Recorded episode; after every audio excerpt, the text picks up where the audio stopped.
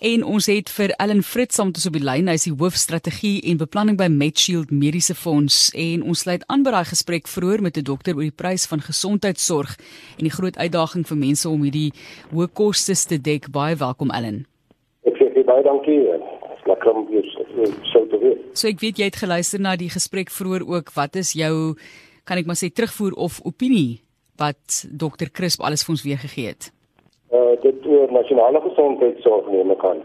Ehm um, ja, net so vir uitgangspunt oor nasionale gesondheidsorg is dat uh oor groot meerderheid van ons land se burgers uh, is heilig uh onderworpe aan uitstekende aan 'n baie swak diens in terme van mediese mediese uh fonds of mediese diens uh, as jy kyk na ons publieke hospitale is uh, dit chaos uh, en natuurlik uh, die pandemie het net 'n bietjie vererger uh, in terme van normale dienslewering. Uh, ek stem in 'n mate saam met uh, die vorige gas oor uh, die strukture en en hoe dit uh, uitgerol moet word uh, en selfs van 'n selfs van 'n beleidsoogpunt uh noem my baie goeie punte maar Netjies is van mening dat ons land het 'n gesondheidstelsel nodig, of dit nasionale gesondheid is of dit publieke gesondheid is. Ons kan nie so voortgaan om sulke swak uh gesondheidsorg aan te bied aan ons landburgers nie. Dit gaan ingee en en en uh jy weet as iets ingee in 'n uh, sosiale konteks dan het, dan is dit absoluut chaos. So ons is reg om om by te dra uh, ons kennis in terme van fondsbestuur. Ons is reg om ons kennis uh, by te dra tot die nasionale debat oor beleidsformulering. Ons is reg om ons kennis te deel oor uh diensverskaf verskaffersmodellering en so aan. Uh en en dit dis wat dis dis is dis ons uitgangspunt oor oor gesondheidsorg. Uh, nou, sowel uh, nasionale gesondheidsorg. Ons praat nou oor oor die openbare en die private sektor. Ehm um, en maar as ons bietjie kyk net na COVID want dit was die ding wat aanleiding gegee het tot hierdie gesprek is die feit dat 'n mens gesien het aanlyn. Ek het ge, iemand het 'n tweet gestuur en gesê hier sit ek met hierdie honderde duisende rande se mediese kostes, onkostes wat ek eenvoudig nie kan bekostig nie want die persoon was vir 'n lang tyd in ek dink dit was 2 weke gewees in die hoësorgeenheid byvoorbeeld. So gee vir my 'n bietjie perspektief oor mediese fondse en hierdie hoë risikodekking soos byvoorbeeld dan COVID-19 tye? Ja, baie dankie. Ehm uh, dit die rol van 'n mediese skema of dit 'n fonds wat gereguleer word deur die mediese die raad van mediese skemas of die sogenaamde Council of Medical Schemes. Uh, dit natuurlik in terme van die wet op mediese skemas wat in 1998 in die lewe geroep is. Uh wat is die beginsel van die van die van die van die wetgewing? Die beginsel van die wetgewing is 'n fonds te bestuur op 'n gemeenskaplike basis. Dit meen uh, dat almal wat dieselfde bedrag betaal vir 'n premie, kry dieselfde voordele. Natuurlik is daar iets soos uh, 'n uh, laat aansluiting en uitsluiting op sekere siekte toestande en so aan.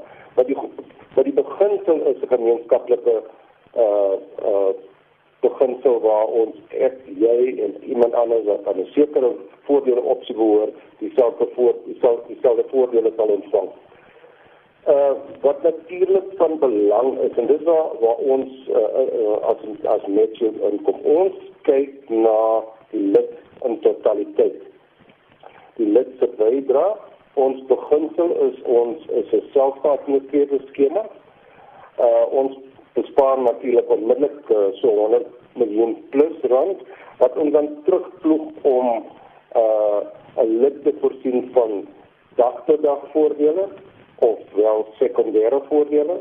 Uh dagtotdag voordele is natuurlik primêre gesondheidsorg.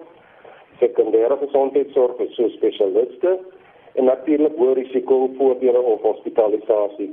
En ons uh toegespits om te verseker dat die lid wat sy premie betaal in daai opset die beste toegang tot uh, hoë kwaliteit mediese sorg het. Natuurlik uh, uh, is ons uh, bewus van finansiële verantwoordelikheid teenoor die lid en dan ook die, die beste vir die lid doen. So ons gaan 'n stap verder om te verseker dat daar toegang tot kwaliteit uh, gesondheid is deur uh, formele kontraktering met uh, dokters, uh, primêre dokters, primêre dokters aan te gaan. Uh, en self ook uh, met, met hospitaal netwerke soos natuurlik die life group, netcare group en so aan. Want dit is belangrik om die om die fondslid wat sy maandelikse bydrae of premie betaal, die beste toegang kan kry tot gesondheid uh en die hoë kwaliteit gesondheid. Ehm um, Unique Park is ons gefokus uh, as as uh, as 'n skema om uh, billike pryse te, te onderhandel met uh, met diensverskaffers. Uh ons is ook uh, in gesprek met loyaliteitsprogramme om meer gesondheid gedrewe te wees. Jy weet ons land het 'n baie hoë uh siekte geneigtheid, siekte geneigtheid. Ons is maar om in die tweede na die FSA in terme van siekte toestande of kroniese toestande. En dit is belangrik dat wanneer ons primêr of sekondêr of hoë risiko hospitalisasie voordele ontwerp uh moet dit aan die behoefte van die van die lid of die konse wat die kliënt uh, doen. Dit is baie belangrik uh, in natural familie. Ja. Dat uh, van 'n administrasie oogpunt. Goed uh, dat die, die, die lid natuurlik uh, toegang ook het tot die beste diens van 'n skema oogpunt. En dit ons dit ons waarde toevoeging tot uh, ons ons lede uh, wat maandeliks lid premie bydra. Dis baie mense wat praat oor die hoë kostes, 'n ma 87 'n week in die hoë sorgeenheid met 'n infeksiekoste was 50 80000 rand 3 eenhede bloed het 10000 rand gekos. Dit is van die SMS'e wat hierso deurkom. En ja iemand anders het ook vir my idee gegee het van mediese kostes wat hulle ervaar het. Iemand anders sê ek het covid gehad en is by die huis versorg deur mense met wie ek woon.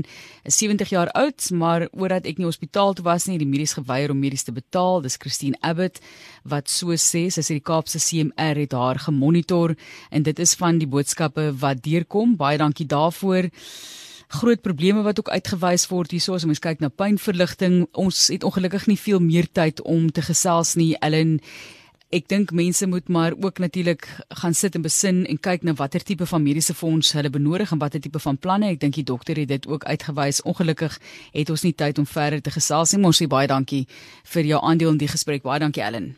Baie dankie. Ellen Fritz, hoofstrategie en beplanning by Medshield Mediese Fonds.